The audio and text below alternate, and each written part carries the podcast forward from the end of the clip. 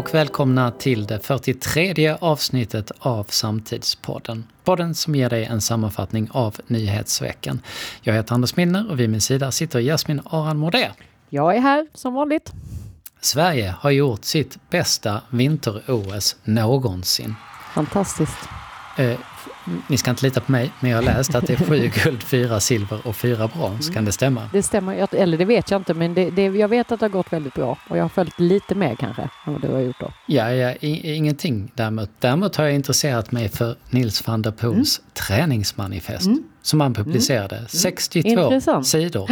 Väldigt många kul grejer som ja. kom upp där. Han eh, drack vispgrädde under mm. träningspassen, åt chips efter middagarna, betonar att glass är viktigt och konstatera att man ibland måste man ju bara dricka lite öl för motivationens skull. Eller som man tillhör det, eller åtta roligt. öl. Ja, jag hörde det. Jag, jag kände lite så här, oj vad roligt det blev att träna nu. Ja, det... Kanske också kräver att man sportar en del om man ska dricka massa vispgrädde. Ja, det är lätt att ta till sig delar, delar av manifestet. Ja, när jag springer blir jag jättesugen. Det har hänt många gånger att jag ätit chips efter jag har sprungit. Nej, det, är ju, det tror jag är bra för dig. Och nu, nu mm. tror jag också... Och en öl är bra. Det är det. Mm. Jag drack vin efter Lundaloppet en gång. Det var inte alls Nej, det är inte, bra. öl är bra. Men, men öl är mm. bra. Men du, du roligt och han verkar ju vara världens roligaste kille. I allmänhet. Också väldigt, ja men han hade väldigt kloka ord om värdlandet för OS och varför, hur vi kanske ska tänka framåt. Eller hur? Det är inte så många som har sagt när Nej. han sa det när han kom ja, hem då, ja, att det är ja. knepigt, det är OS i en diktatur, det är ju fel. Mm. Och det hade varit bra om fler hade mm. sagt det kanske. Och det kanske inte hans roll att göra det heller, han, han hade ett bra resonemang kring det. Och eh, att eh, det är faktiskt den olympiska kommittén som kanske borde sätta ner foten. Mm. Fundera några varv kring detta. Det kommer handla en hel del om Ryssland såklart eh, och krigshotet i det här avsnittet. Och går vi in på läget eh, idag, det är fredag när ni lyssnar men det är torsdag den 17 eh, februari klockan 11 när vi sitter här och spelar in det. Så det kan ha hänt saker på det här dygnet.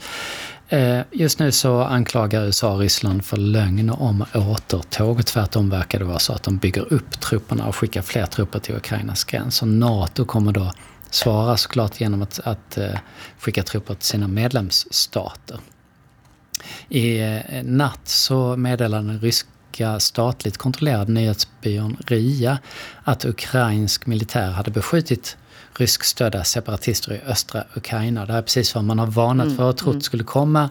Den här typen av fejkade nyheter att de började med krigshandlingar vilket gör ändå ännu mer oroad såklart. såklart. Den estniska underrättelsetjänsten bedömer att det är sannolikt med en begränsad rysk attack mot Ukraina. Och att den attacken kommer i så fall att öka trycket på Östersjön, vilket länderna måste förbereda sig på. Vi i Sverige också. Och i bästa fall just nu så ser det ut att bli som den brittiska utrikesministern säger, att Ryssland drar ut på den här krisen, håller den levande i månader för att då utmana enigheten i väst. Mm. Och inte eh, går in eh, militärt.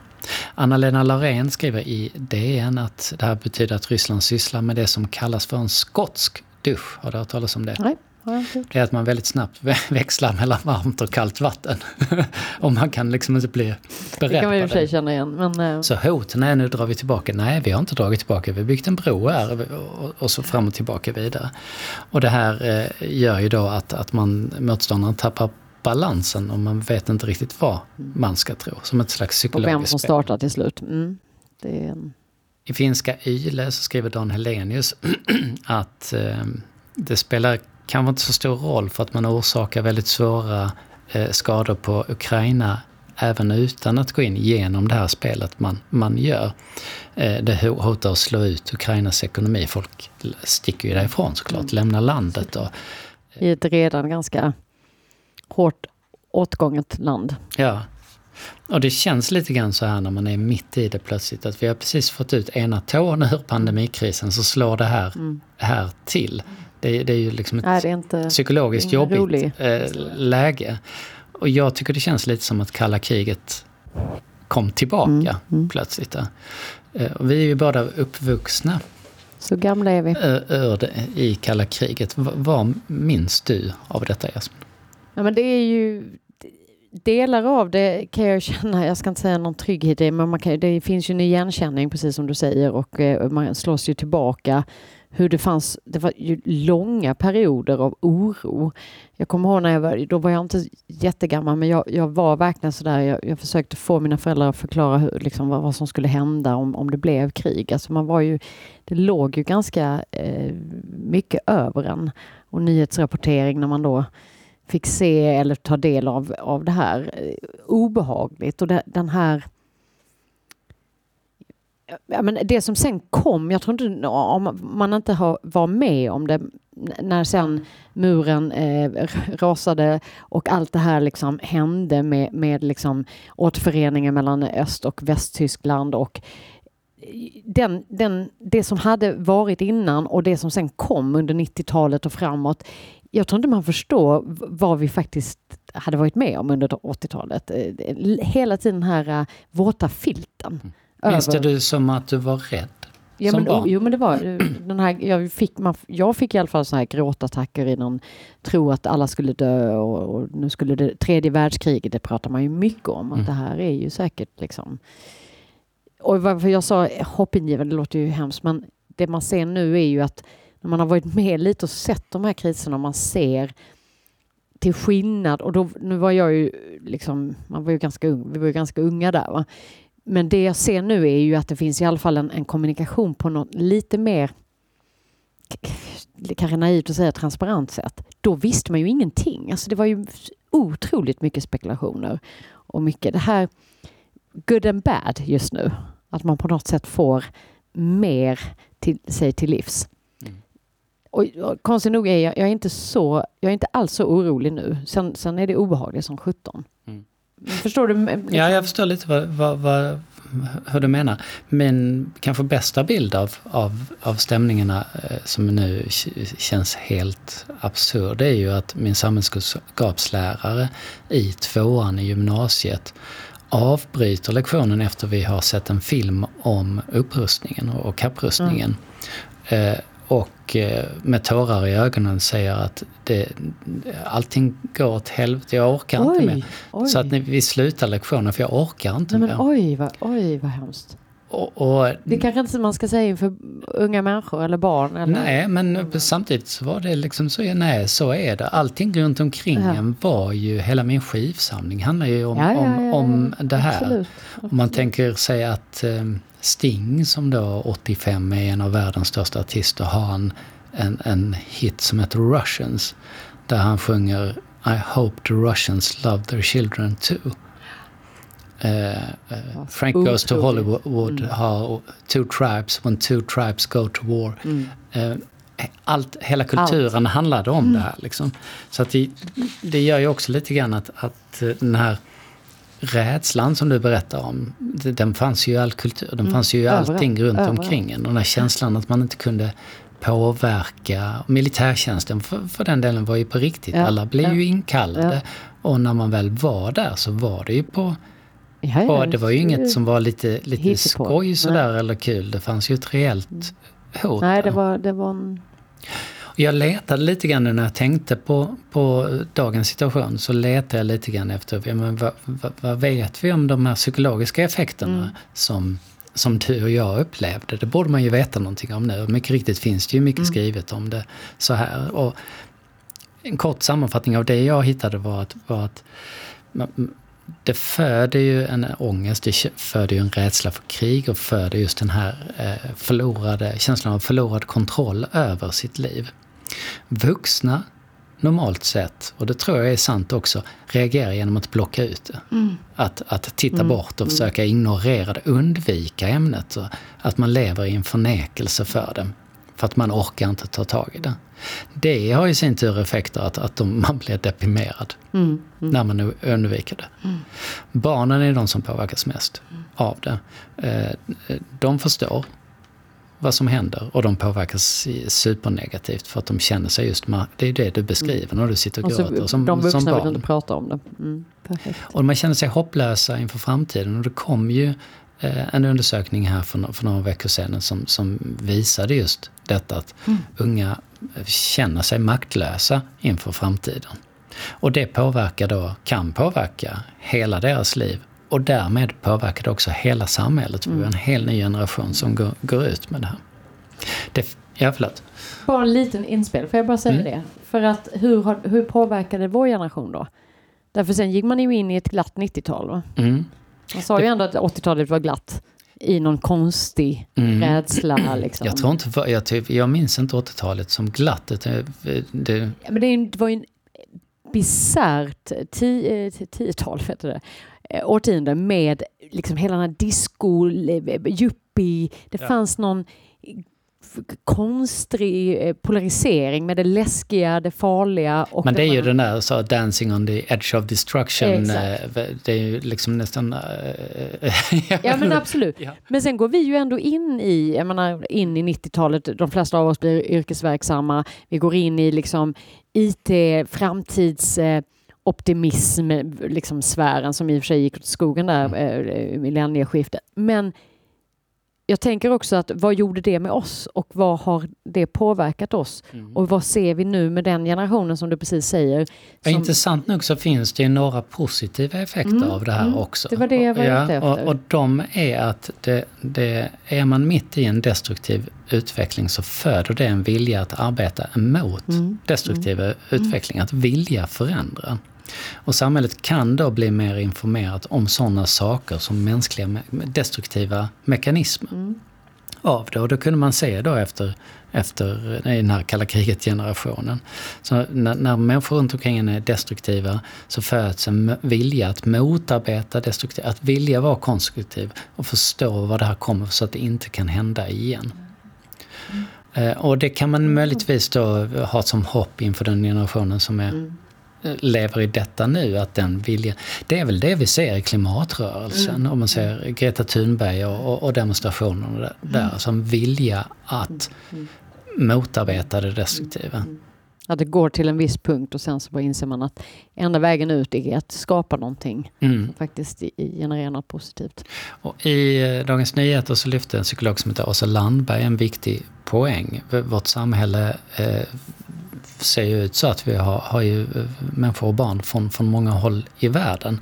Och att barn som har levt i krigsdrabbade områden som flytt från krig eller vars föräldrar har flytt från krig blir ju såklart särskilt oroade mm. när den här typen av upptrappning sker och det sprids på sociala medier jättemycket.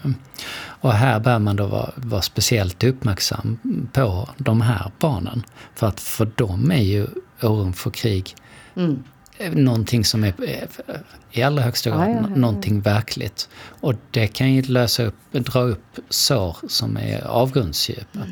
Och den, den, skulle jag vilja hålla mig kvar vid en liten stund.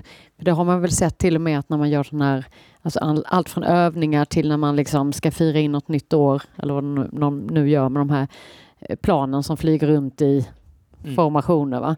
Det är ju förödande för unga människor som har, har drabbats tidigt av krig alltså de blir ju traumatiserade. Eller hur? Och, du behöver inte vara rädd för de flyger som en julgran. Ja. Det, nej. nej men eller hur? Och, och det här tycker jag är någonting att, att, att ta med oss. Detta är en liten eh, sidospår men att ta med oss att vi faktiskt, de som faktiskt har varit med i krig eller drabbade på olika sätt, att vi lägger lite för lite krut kan vi ju eh, säga på att, att mm. hjälpa till eh, med psykisk hjälp. De, mm. man, får, man ger, vi frågar ju inte ens hur folk mår när de har kommit hit. Nej. Det är bara en litet eh, tankeställare. Vi måste vara lite mer. Och det, det handlar ju samma sak om våra barn. Mm. Det som du säger nu att vi vuxna tenderar att stänga av för vi kan inte ta till oss. För det kan jag ju känna igen när pandemin var här. Det var någonting eh, den, är, den, är också, den var ju också ett, ett hot, mm. men där kunde vi göra, vi hittade vägar, vi kunde göra, men i vårt fall mm. att göra möten digitalt eller liksom på något annat sätt och hela tiden pusha eh, och hitta nya vägar fram. Detta är ju vi kan inte påverka detta. Som gemene man här hemma kan vi inte påverka om Putin och, och liksom Biden ska komma överens eller inte. Och den tycker jag är medskick här till oss vuxna att inte sticka ner huvudet i sanden utan prata med våra barn. Mm. För Det är precis samma sak. Vi måste ta hand om de som inte mår bra nu oavsett om de redan har varit drabbade mm. eller blir oroliga nu. Och här kan man också se tydligen då att man är mer benägen att skämta om saker för att hantera sin oro mm. eh, som barn i, i sociala medier. Att skämta om krig då blir ett sätt att hantera sin oro. Och det ska man såklart inte förbjuda men man kan ju, man kan ju ha det som uppmärksamhetssignal att här finns någonting vi behöver prata om eller, eller hjälpa, hjälpa till. I, i politiska sammanhang så är det ju värt att notera SDs agerande här där eh, den här täta Rysslandskopplingen blir eh, solklart mm. tydlig i detta. Vi har eh, ledamoten i försvarsutskottet, Roger Richthoff, som gjort en intervju med försvars, om försvarspolitik med Perspektiv TV, en högerextrem sajt som är, har kopplingar till proryska Nya Tider som eh, de menar att, att det såklart är, är Ukraina och NATO mm. som är aggressivt i detta, som tvingar Ryssland till, till detta. Och i DN så skriver Isabel Hadley Kamps att på tisdagen röstade EU-parlamentet genom ett akut stödpaket till Ukraina en överväldigande majoritet röstade såklart för det här stödpartiet. Alla Sveriges Europaparlamentariker röstade för, förutom Sverigedemokraterna som såklart lägger ner sina, sina röster här. Eh, och eh, hon skriver att Jimmy Åkesson hävdar dock att han inte alls märkt proryska tendenser i partiet. Inte ens när den som i åtta år företrädde SD i försvarspolitiken, Mikael Jansson, bokstavligen åkte till Kreml. Och avslutar med att det här vill en framtida eh, moderat regering göra sig beroende mm. av. Många långvariga moderatväljare kommer för att, att få svårt att sova. Ja, den, den är faktiskt... Är det inte, är det, man, man, kan ju ifrågasätta mycket huruvida man vill gå in i ett samarbete med dem eller inte. I vilken form som helst. Men jag personligen tycker ju att det kunde man strunta i oavsett. Men nu har man inte gjort det utan har ju gått fram här. Denna frågan tror jag, precis som du säger, denna är en, en riktig eh, eh, ja, men, ödesfråga ja. för Moderaterna. Och också svårt för Liberalerna att, att, äh. att, att, hantera. Hur ska det gå till? Sy ihop det här. Så det ska bli intressant att se. Hur ska vi få ihop det här? För det här är det ju tydliga skiljelinjer. I andra eh, nyheter, lite närbesläktat kan man egentligen eh, säga, så eh, har då ett bolag som heter Nuctec, som är nära kopplat till Kinas militär och kommunistpartiet i Kina, har vunnit en upphandling hos Swedavia och ska nu sköta säkerhetskontrollen på Arlanda. Vad ska vi säga vad ska om vi säga? Ja, vad säger Swedavia själv? De vann för att de lämnade det bästa anbudet. Skyller man på va? Och det här med mm. anbud mm. och mm. upphandlingar. Här finns ju en problematik som inte en... bara rör eh, säkerhetstjänsten på Arlanda. Va, va, hur skulle du ringa in problematiken kring upphandling? Ja, men det är en intressant fråga för att jag hävdar med en fas att eh, eh, Upphandlingsmyndigheten är en fantastisk myndighet som man kan få väldigt mycket hjälp och stöd om, av från.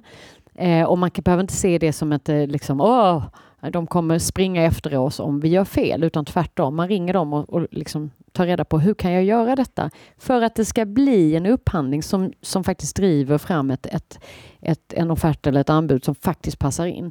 Du behöver inte gå på pris. Det beror på hur du har skrivit i upphandlingen. Så ni som lyssnar och jobbar med detta, det är liksom inte en, en, en fakta att det måste se ut på ett visst sätt. Man har ganska fria händer att skriva upphandlingen. Men de, Sen flesta, går, de flesta går på prisen då? Ofta. Ja, för det. Jag tror att det sitter någon, ja men så, Ja, så, så ska det nog vara. Man har inte riktigt tagit reda på. Kan vi sätta andra krav som kompletterar prisbilden eller faktiskt sätter det att det kanske måste vara ett visst värde, inte en prislapp. Man kan formulera det på olika sätt. Eh, och att man eh, är också kanske lite eh, lat. Man tar inte reda på. Nej. Man gör copy-pastar det som all, så, så här har det alltid sett. Men vi ser ju ganska många gånger att vinnande bud för, som då ligger väldigt lågt mm. eh, är svårligen genomförbara och liksom inte med någon verklighet överensstämmande överhuvudtaget Nej. för det är för lågt. Det här går inte att göra det till, till en, en vettig lön eller vettiga arbetstimmar eller sådär. Men det, eh, och när det offentliga då går på den typen av upphandlingar, då ställer ju sig också det offentliga för en, en, en arbetsverklighet som inte, som inte skulle kunna vara okej okay om den hade varit inom det offentliga. Exakt. Och detta är ju ett jätteproblem och jag hoppas att, att fler och eh, mäktar med att, att titta på detta, både som när man sitter som upphandlingsansvarig själv, men också utanför att påpeka detta. För precis som du säger, många gånger när det, vi som en liten aktör kan ju knappt vara med i stora upphandlingar därför det prispressas på ett sådant sätt. Så det är bara stora bolag som har mycket mer eh, eh liksom, gungor och karusell att ta igen det. För det är bra att få uppdraget för då kanske man får andra som sen kan ge igen den pengen man förlorar. Vi har inte, småbolag har ju ofta, sällan råd att gå in i den typen av upphandlingar. Vi har inte råd att hålla de priserna. Om vi gör det så har, precis som du säger, då, då måste vi ju börja sänka löner eller sänka kvaliteten mm på leverans eller produkter eller mat eller vad det nu är. Det, det, är dåligt för alla inblandade skulle jag säga. Så det här överhuvudtaget, och återigen, Upphandlingen är ett fantastiskt verktyg. Du kan göra mycket med det. Du kan ta reda på mycket om hur marknaden ser ut, hur leverantörerna ser ut, vad är det bästa? Det finns ju de här upp, eh, innovationsupphandlingarna som drivs mer utifrån liksom vad man ska uppnå än, än rena liksom sitta och titta på detaljerna i själva leveransen eller processen.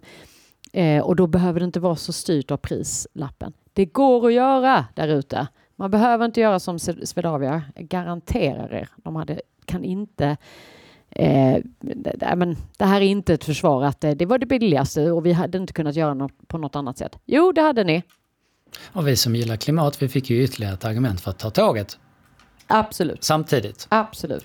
I Sverige så pågår efterdyningar efter en katastrofal intervju som vår kulturminister Jeanette Gustafsson gjorde eh, med Svenska Dagbladet där hon inte kunde svara på frågor, i alla fall eh, inte på, på något djupare plan. Nej. Och folk är förvånade här. Eh, jag undrar lite grann varför är folk förvånade över att en politisk debatt under ett valår är grund? Mm, nej, det är ju i och för sig, det kan vi ju undra. Har det varit djupt? Ja, men stora frågan är så, när hade vi sist, som det här fallet, en kulturpolitisk diskussion? När hade vi en djupgående sådan med en minister sist? Nej, jag vet inte. Vet nej, du? nej jag, jag, vet inte. Folk brukar ju prata om Bengt Göransson och, och, och så, men vi är långt tillbaka i tiden. Ja, det är ändå ett tag. Det är ett tag. Nej, djupt blir det ju inte just nu. Nej. Och någonsin. Och frågan är, kan det bli djupt? Alltså om man, om man då zoomar ut, mm. kan en intervju med en tidning blir. Det är lite grann en dans där båda eh, är ansvariga för att röra sig mm. åt, åt, åt rätt håll. Lite grann. Det kan väl bli djupare, ja. kan man väl åtminstone säga. Nu tog du upp ett exempel som kanske var liksom det grundaste av, av grund, mm. kan vi väl säga.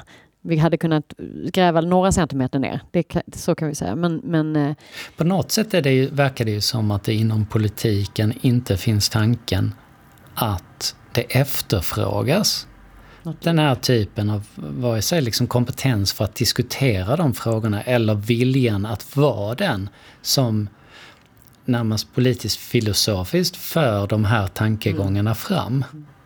För man är så rädd att bli kritiserad, dömd. Det är du som har gjort att våra väljar, vårt väljarstöd har gått ner och det här har vi ju varit inne på innan. Varför finns det inte fler som är modiga, som står för vad de tycker och tänker?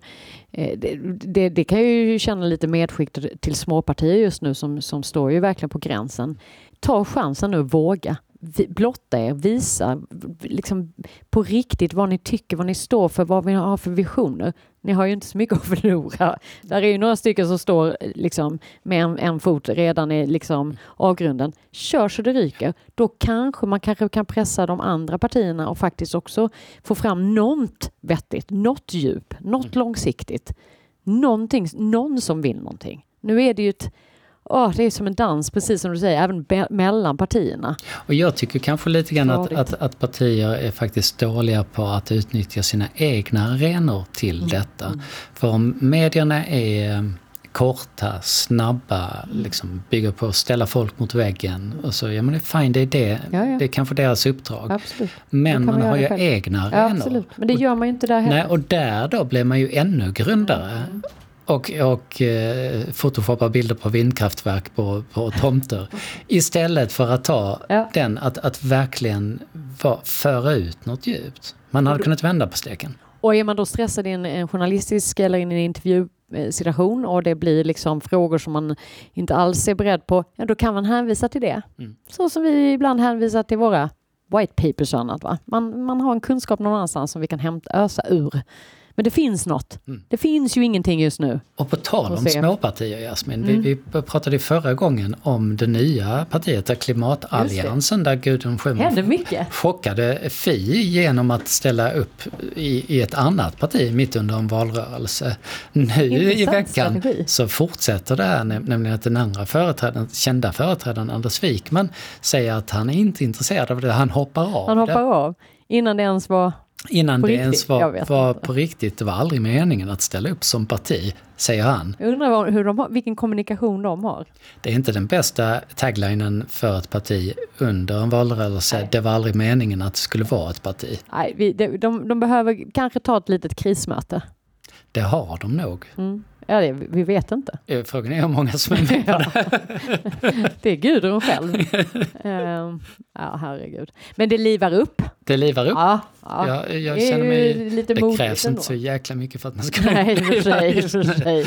I den här härliga politiska gyttjan. Så, mm. Vi går vidare till positiva klimatnyheter. Det som vi har vi ett ha. som nytt stående inslag i podden. Och batterier, sådana alkaline-batterier. Just det. Mm, de lämnar vi ju tillbaka. Mm. De bränns väldigt hög värme och så återanvänds metallerna inuti batterierna.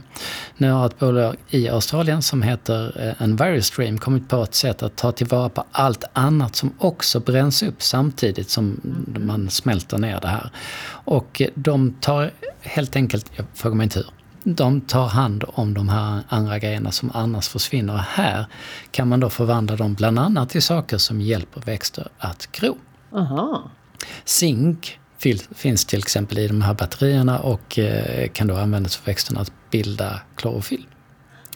Varför jag sa mhm i början, för att jag såg idag också på tal om batterier, också positivt, att man hade hittat, man skapade batteri utifrån av trä.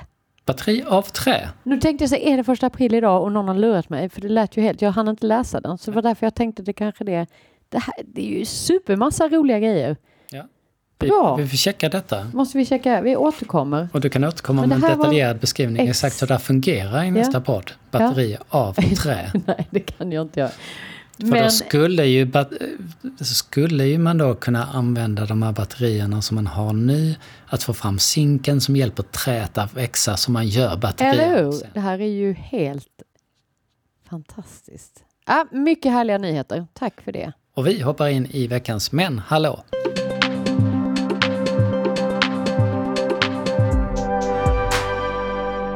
Och det här är den avdelning på podden där vi lyfter något som fått oss att höja våra ögonbryn extra mycket och vi tar oss till Michigan. Där sitter 55-åriga Laura Spears och checkar sin e-post som man ju gör Jasmin. Lite då och då. Checkade du ditt spamfilter någon gång? Mm. Ja, vad finns där? Normalt Ja, i, i din så mycket skit rent ut sagt. Så, eh, och ibland en och annan från min, min kollega My ligger där också. Det ligger där också. Men nu har vi rätt ut det. Men, så det är bra att kolla lite då och då för helt plötsligt Av det, av det som är skräp, vad brukar det stå där? Eh, ja, men det är väl mycket porr och, eh, och sen är det ehm, vill du investera här? Ja. Typ. Eller bank. Ja, Har du fått någon sån lån. där, du kan ha vunnit... Eh, Ja, ja. Det fick Laura Spears. Eh, du kan ha vunnit eh, 3 miljoner dollar, fick Okej. hon. Skillnaden var här gentemot allt annat, hon faktiskt hade vunnit 3 miljoner dollar. Hon fick ett... Eh, du Det här kan vi inte berätta för då kommer som- alla klicka på sånt nu. Jag vet, så jag, jag, känner mig lite, lite ambivalent inför, inför det här avsnittet. Hon hade faktiskt vunnit det. Hon hade köpt en lott för väldigt länge sedan, glömt bort det. Och sen så valde hon då att klicka, på, klicka nu inte på länken ni som lyssnar. Men hon gjorde Fast nu det. blir jag lite sugen. Det här kommer bli jättejobbigt, ambivalent. Mm. Hon säger då I will make sure to check my spam folder more often. Säger 55-åriga Laura Spears. Jag kommer, alltså det här är jättefarligt. Du kommer gå in direkt kommer gå in direkt. Gör inte detta, gör det inte säger vi till alla er så ni inte skyller på sen. Men My kommer att få Ja. svar på många av sina Ja. mejl från dig efter detta avsnitt. Det är fredagen den 18 februari när du har detta och den här dagen idag, 1546, så dör Martin Luther, då fe- 62 år gammal. 1908 så invigs nybyggda eh, Dramaten i Stockholm med ett eh, uppförande av Strindbergs Mäster Olof. Och 1930 så upptäcker den amerikanska astronomen Clyde Tombaugh en nionde planet i vårt solsystem. Den får namnet Pluto. Sen dröjer det fram till 2016 innan man kommer på att vi ska nog inte kalla Pluto för en planet i alla fall. Du är för liten. Vi kallar det för dvärgplanet. Och numera så har, man, har det här gett namnet till Plutoid. Mm. Så är man plutoid så är man en, en riktig planet, men en liten, en liten, liten. liten, liten planet. Och 1933, idag, så föds Yoko Ono. Mm. Grattis Yoko, säger Grattis. vi. 1933? Åh oh, herregud. Mm. Det trodde jag inte. Och det är en samlingsskiva som eh, troligtvis kommer ut idag mm. när du lyssnar på detta med artister som eh, tolkar eh, Yoko Onos låtar. Det var roligt att veta, det visste jag inte. Att hon ändå var så gammal måste jag säga. Hörni, det här var allt för oss eh, från Samtidspodden. Den produceras av oss på Altitude Meetings och eh, ni hittar allt om oss och vad vi sysslar med när vi inte gör Samtidspodden på altitudemeetings.se. Och eh, hörni, nästa vecka är det lite sånt där eh, eh, lov här nere i Skåne. Så vi kommer tillbaks om två veckor. Det gör vi. Ha det bra till dess.